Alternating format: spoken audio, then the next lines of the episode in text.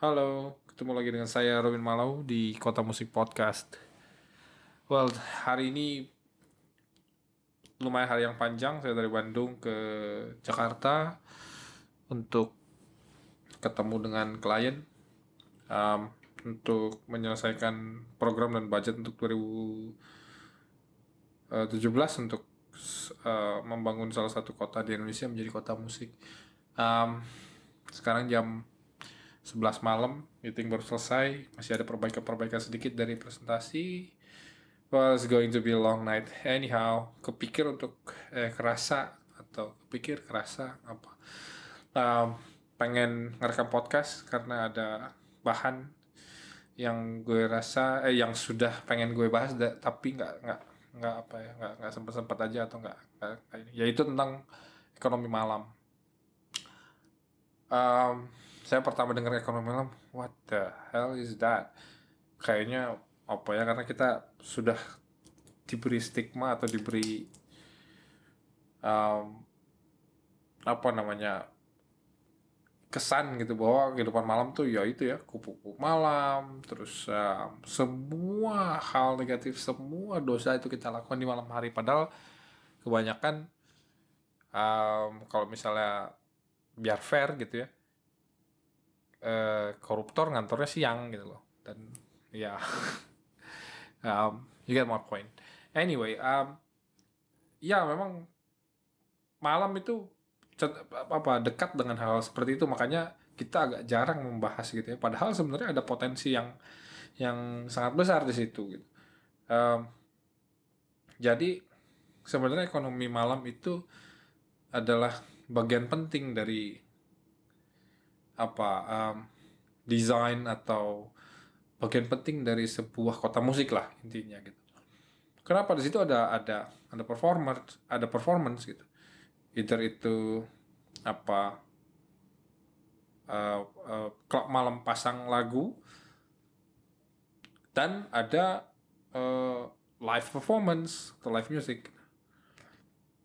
Um, dan banyak lagi sebenarnya bukan hanya directly apa music performance gitu yang yang yang bisa menghasilkan. Tapi banyak lah ya di tempat-tempat kayak di uh, ada ada penjualan alkohol which is um, kalau kita bicarakan secara terbuka itu memberikan kontribusi yang besar terhadap ekonomi kita gitu ya atau ekonomi um, negara kita gitu.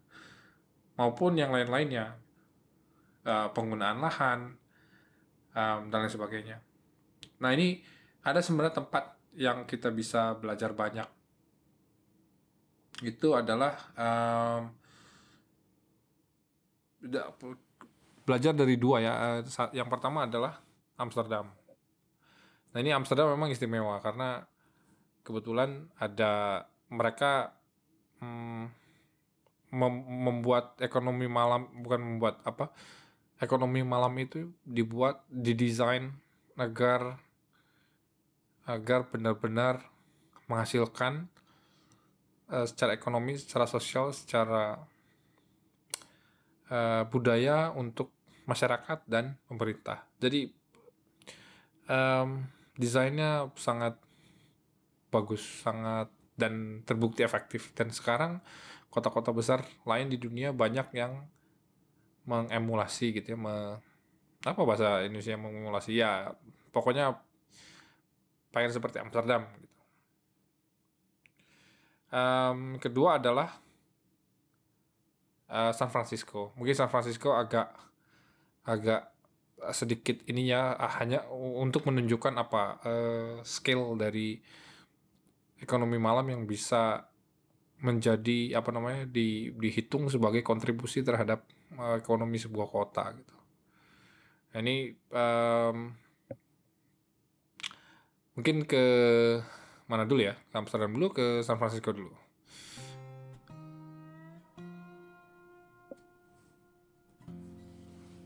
Oke, okay, let's start uh, mulai dengan dari uh, San Francisco dulu ini uh, cukup pendek saya kebetulan dapat eh, jadi uh, saya jadi pembicara di Music Cities Convention bulan Mei tahun lalu. Eh sorry, tadi mau ngomong bulan lalu tapi sekarang sudah uh, September jadi bukan bulan lalu. Uh, saya bicara di sana bulan Mei lalu itu dilaksanakan uh, acaranya yang ketiga kalinya yang uh, di Brighton UK. Yang pertama itu di UK uh, Brighton, kedua di Washington US eh, di Amerika, kemudian ketiga di Brighton saya yang ketiganya. Nah itu kebetulan salah salah satu presenter uh, uh, adalah uh, Jocelyn Kane, Miss Jocelyn, uh, Mrs. Jocelyn Kane. Uh, beliau adalah, aduh saya lupa, uh, apa deh, Executive Director dari San Francisco Entertainment Commission. Nah ini uh, itu adalah badan yang dikelola kota untuk mengelola uh, industri entertainmentnya di sana gitu, termasuk musik dan uh, uh, yang lain-lain yang sejenis. Nah ini ada satu slide dari uh, Jocelyn yang yang me, menerangkan economic impact of nightlife in San Francisco gitu. Jadi angkanya spektakuler. Um, 4,2 miliar dolar dibelanjakan oleh 80 juta customer uh, ekonomi malam setiap tahun. 4,2 miliar dolar ada 80 juta customer. Kemudian um, ekonomi malam itu sendiri mempekerjakan 57 ribu orang. Dan itu nambah bertumbuh dari eh, bertumbuh 10 ribu dari uh, eh, 6 tahun yang lalu. Uh, untuk perbandingan total musik industri di Indonesia tahun 2013 menurut BPS adalah uh, uh, mempekerjakan 50 ribu orang, tapi itu tidak jelas uh, full time atau part time. Um, jadi berbanding satu kota gitu, satu negara berbanding satu kota dan satu kota itu hanya ekonomi malamnya saja, gitu. bukan membandingkan apa, tapi agar keban kebayang scale-nya sebesar itu. Kemudian um, ekonomi malam pula me membelanjakan 1,6 miliar per tahun di uh, apa bisnis supply lokal dan uh, jasa di lokal lokal maksudnya di kota gitu di uh, San Francisco. Um, ada dibayarkan 55 juta dolar uh, pada uh, untuk gaji dan dan penjualan eh, pajak penjualan kepada kota. Nah ini uh, menariknya jadi 94 persen penduduk me mengunjungi atau keluar malam. Jadi memang mereka di di, di digunakan gitu dihitung keuntungannya kemudian sudah jelas keuntungannya itu benefitnya untuk kota secara ekonomi seperti apa dan kota tentunya kembali lagi ke masyarakat kemudian di apa di di ya di di manage gitu di dibuat yang benar agar ini ya bisa terukur terus memang menghasilkan gitu nah ini San Francisco itu perbandingan sebagai um, agar kelihatan scale-nya. Nah ini ada satu kota lagi yaitu Amsterdam. Ini ini cukup ini istimewa sekali ya, ini istimewa nih. Um, di Music Cities Convention bulan Mei kemarin itu juga ada seorang yang mempunyai apa gelar gitu ya atau pekerjaan sebagai wali kota malam Amsterdam. Um, dia itu eh, namanya Mirik Milan, orangnya tinggi, keren lah. Terus um, sumringah dan apa ya, um, very out apa uh, easy going. Dia mau ngomong sama siapa aja dan lain sebagainya. Saya dengan bangga ambil foto terus uh, pasang foto di website saya dan ngebahas tentang Amsterdam dan pekerjaan dia. Tapi intinya adalah um, tampaknya secara personality gitu ya di, dilihat dan saya lihat beberapa kali dia presentasi dan lain sebagainya emang orangnya emang enak. Jadi uh, pas lah ini. Jadi uh, orangnya pas terus uh, pekerjaannya pas dan Amsterdamnya pun pas. Jadi makanya dia ini bisa jadi dia ini jadi narasumber di mana-mana di kota-kota lain yang ingin mengemulasi Amsterdam gitu. Nah ini um, kita bahas sedikit jadi wali kota malam itu adalah organisasi non profit yang didedikasikan untuk memastikan kehidupan malam yang dinamis dan mereka pun membantu membangun hubungan antara pemerintah kota, pemilik bisnis dan penduduk. Jadi nggak resmi dari pemerintah ini bukan berarti wali kota malam itu berarti adalah pemerintah di malam hari nggak masih sama satu uh, wali kota secara politik tapi ada sebuah organisasi yang menam, punya brand uh, uh, wali kota malam ini dan benar gitu. Jadi uh, dia itu memang yang menjalankan uh, ya, tadi ya fungsinya seperti tadi gitu, yang sudah disebut. Jadi dia menghubungkan karena itu sebenarnya kuncinya gitu dihubungkan. Semuanya sudah tahu uh, kota bukan hanya gara-gara San Francisco adalah sebuah kota yang sangat canggih terus penghasilan besar-besar gitu ya di semua kota juga besar gitu. Kalau misalnya melihat teori di bukan teori ya hasil riset di yang dipakai dan jadi sebuah benchmark oleh uh, Richard Florida beliau adalah profesor yang foundernya City Lab. Founder atau apa dia? Anyway dia dia nulis lah di City Lab itu sebuah publikasi tentang apa namanya uh, urban tentang itu kemudian um, dia menulis buku Who's Your City? Who is Your City? Di mana uh, penemuan temuan dari Profesor Richard Florida adalah kota itu memilih tempat tinggal itu adalah keputusan ekonomi ekonomi. Nah salah satu benchmarknya adalah sebuah studi oleh saya lupa namanya um, tapi dipakai oleh Richard Florida saya ingat Richard Floridanya. Um, yaitu uh, ini dia dia menggunakan si peneliti ini menggunakan data dari NASA. Itu uh, mengumpulkan wilayah mana yang terangnya lebih lama. Wilayah mana dari bagian bumi itu yang terangnya lebih lama. Dan wilayah-wilayah itulah ternyata gitu setelah dicek dan dicek adalah apa uh, wilayah-wilayah atau tempat-tempat yang ekonomi paling berjalan itu. Jadi semakin semakin semakin lama terang kotanya semakin semakin itu adalah pertanda bahwa kotanya ada ekonomi yang berjalan gitu. Nah itu sebenarnya um, uh, sudah jelas gitu. Di situ ada ada ada ada apa ya ada uh, ada bisnis ada bisnis ada ekonomi gitu jadi ini Amsterdam ini mem, cepat dia menggunakan ini. Kebetulan mirip Milannya juga memang sudah lama dia berbisnis di um, apa di, di di bagian ya apa ya apa ya, marketing untuk uh, untuk party untuk untuk uh, DJ show uh, tour dan lain sebagainya. Jadi dia dia ngerti banget di, di di bagian itu. Dan dia approachnya lewat musiknya gitu. Bahwa musiknya yang menjadi eh, musik itu menjadi itu yang bukan musik iya musiknya musik itu menjadi um, bagian penting dari ekonomi malam gitu. karena uh, ya itu ada bar ada ada ada party dan lain sebagainya nah itu di di di, salah, di, di satu media saya pernah baca bahwa di Amsterdam itu rata-rata sekarang 20 ada 20 ribu orang yang party setiap malam. Artinya apa? Ada satu festival musik di Amsterdam setiap setiap malam. Bayangkan uh, apa namanya dampaknya seperti apa? Dampak ekonomi sosial dan dan untuk masyarakatnya. Gitu. Dan banyaklah keuntungan-keuntungan kecil.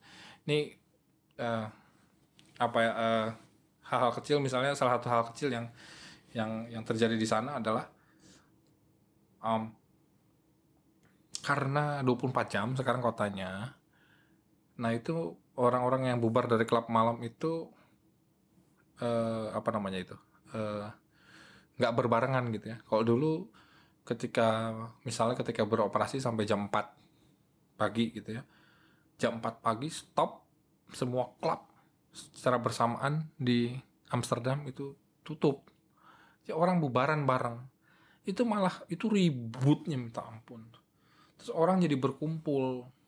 Terus ya banyak yang habis minum alkohol terus jadi ya macam-macam lah ada yang berantem dan hal-hal yang eh, apa ya tidak tidak produktif gitu ya tidak ya nggak perlu terjadi gitu intinya.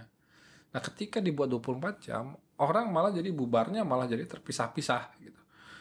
Jadi nggak semua yang ngumpul jam 4 pulang semua.